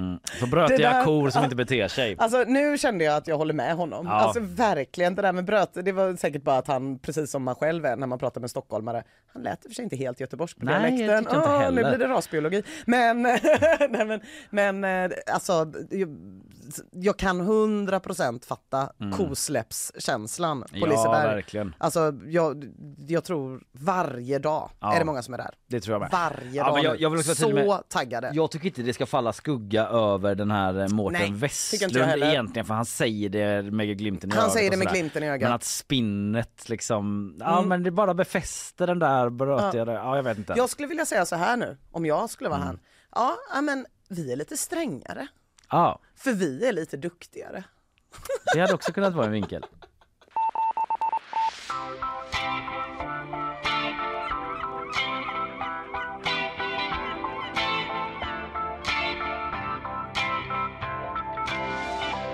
Jag har en nyhet till. Ja. Och det är att Jude Law har ägnat sig åt method acting. Nyhet säger du? Ja, det stod på P3 Nyheter i alla fall, så då är det väl ändå en nyhet. Jag läste dock om det i The Guardian. I filmen Firebrand som hade premiär på Cannesfestivalen spelar Law Henrik den åttonde. Just det. Eh, och han berättar då för Mot Guardian... Alicia Vikander va? Hon är med i den eh, har jag läst. Säkert. Jo, hon fick så stående ovationer i nio minuter. är så massa artiklar om hur Ah, Nio mycket... minuter. Och det är fokus på minuter. Ja, på det de är någon grej i kan liksom. Det är det ja. Mm. Mm, verkar svinjobbigt. Eh, Jude Law berättade i alla fall för, för The Guardian att han för att riktigt gå in i rollen såg till att lukta som Henrik den åttonde. Mm. Hur luktade han då? Ja, han föddes ju i slutet av 1400-talet så han luktade ju vidrigt. Ja, det är Eh, bara med tanke på vilket, mm, vilken tid han levde Ja, i. Det är Liksom. inga duschar eh, på Det är inga duschar. det. Det luktas svett, det luktas bajs och det luktas blod. Dessutom hade just den här kungen ett ruttnande ben som han hade med sig hela tiden eftersom att det satt fast på kroppen. Så det luktade också förruttnelse. Hur har Jude Law liksom återskapat den här? Eh, Det ruttnande benet. Ja, hela, hela vägen där. Liksom. Man ringer en parfymör Ja. som anlitas för att göra en parfym då som luktar bajs, blod och svett som Jude Law kan ha på sig. Parfymen funkade.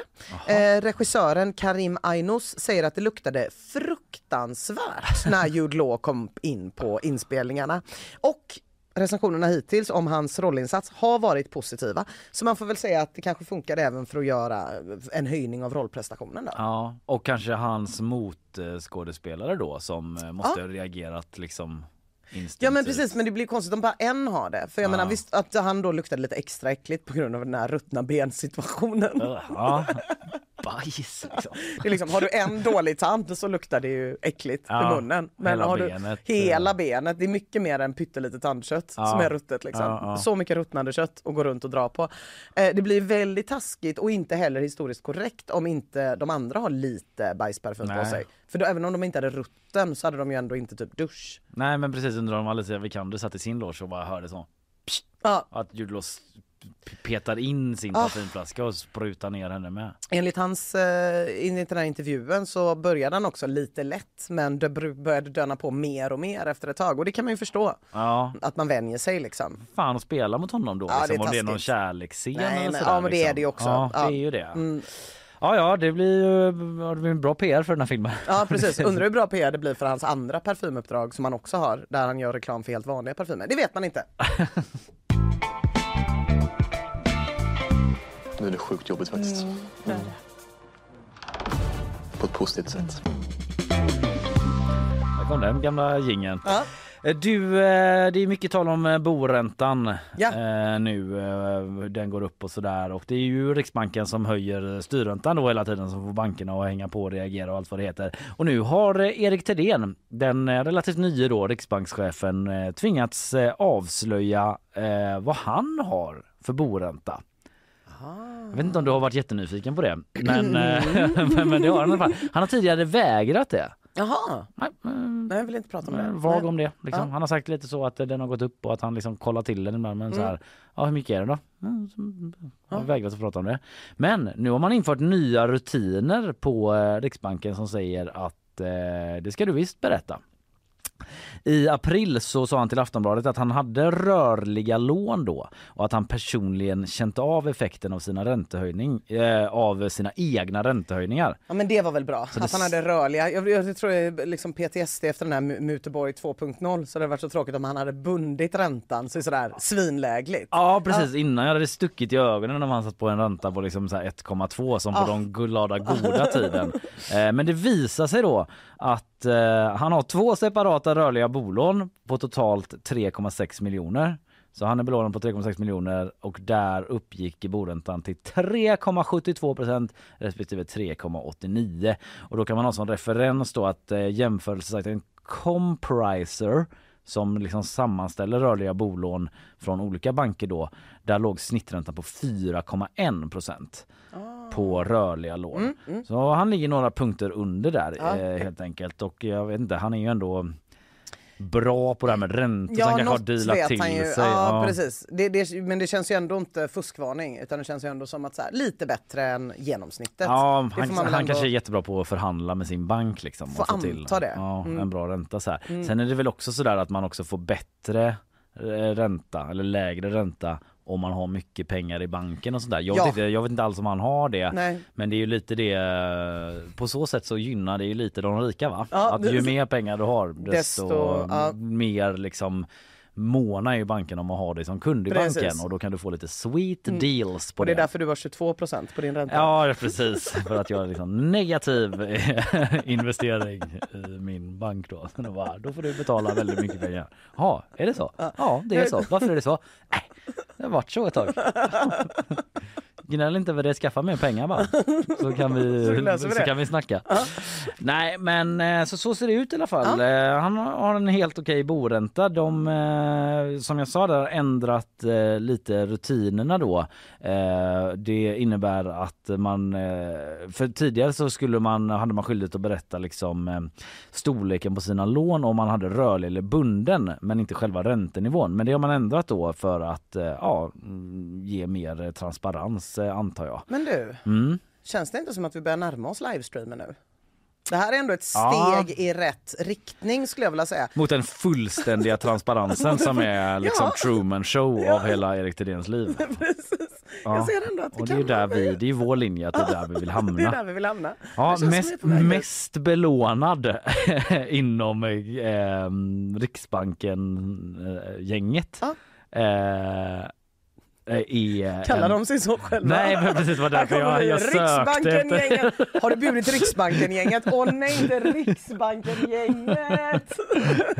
Det här med andra chefer på Riksbanken antar jag. Mm. För, eh, även övriga, jag läste från Aftonbladet, även övriga Riksbankens fem beslutsfattares borättnor, ja, de, fe, de fem beslutsfattarna, Just det. kan kalla dem det på Ja. Riksbanken, de har eh, det avslöjats då. Och högst belånad är Aino Bunge som har ett lån på 8,7 miljoner kronor men har bundit majoriteten. Nej, I know och lägst ränta har, eh, nej det var hon då, eh, den var på 1,28 procent. Mm. Oj, Så det är kanon, kanonbindning på Aino där. vad kul för Aino! Ja verkligen. Visst känner du så? Ja jätteroligt för Aino. Vad bra hon har tajmat in det med marknaden och utlöpningstiden på hennes lån där. Duktigt. Och den rörliga räntan på 3,25 också himla bra deal för Aino.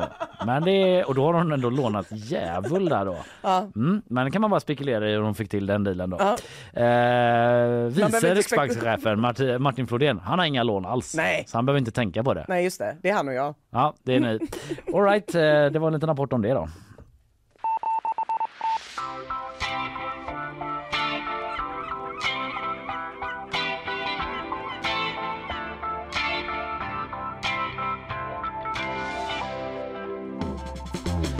Tiden går fort när man har roligt och lär sig mycket om vad som sker i världen. Så är det. Det är det vi, så det går till här.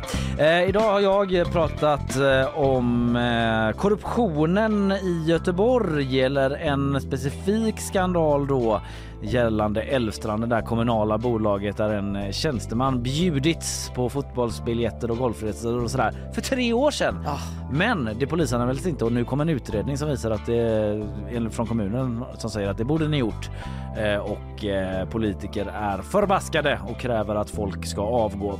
Sen pratade jag också om eh, den här eh, tragiska dödsolyckan i Svedala då där en tioårig flicka ramlade från skolans tak och eh, folk eh, är förtvivlade och söker då svar. Hur kunde detta gå till? Det pratade vi om. Du pratade om Jag helt pratade annat. om en eh, ny dokumentär som heter Bama Rush och som eh, berättar om ett fenomen som blev känt för två år sedan på TikTok när miljoner människor satt bänkade för att få reda på vilken tjej som skulle få gå med i vilken sorority. Kalpa, Beta, Amma, Fi, Fi, Omega.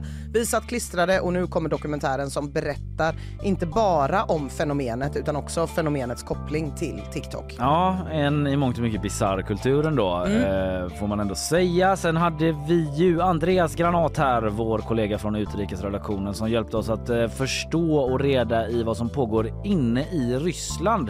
För det har ju rapporterats om strider där nu från eh, eventuellt då ryska motståndsrörelser som eventuellt är uppbackade av Ukraina. Ja, det är olika uppgifter som eh, går emot varandra där och Andreas hjälpte oss att reda i det. Mm. Eh, det var väl det vi hade idag och så hela bakvagnen men den har vi nyss hört Ja. så det går vi inte igenom. Jag kan också bara säga att Chalmerstunneln verkar fortfarande vara stängd. Ja, då vet vi det. vet vi det. Mm. Är det Sveriges bästa tunnel?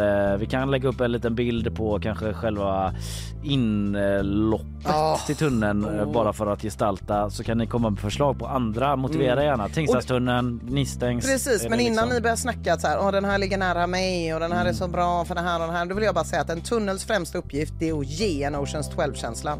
Man vill det. få känslan av att man genomför en kupp, Mm. gör något som nästan inte är lagligt för Ah. att det är så effektivt. Just det, Den här just det. genvägen är för bra. Tänk, ha med det nu så ni inte börjar prata om belysning och kakel och sånt för det är inte det det Nej, handlar det är om. inte det det handlar Nej, om. Och eh, vi hävdar ju inte bara att den är bäst i Göteborg då, utan att den Nej. är, kanske är bäst i hela Sverige. Den är Sveriges bästa tunnel. Ja, vi får se hur långt vi driver den eh, frågan, men det är i alla fall vår ståndpunkt. Eh, vi säger tack så länge. Lyssna på podden. Den kommer ut här eh, strax efter programmet. Ha det gott! Ha det gott, hej hej!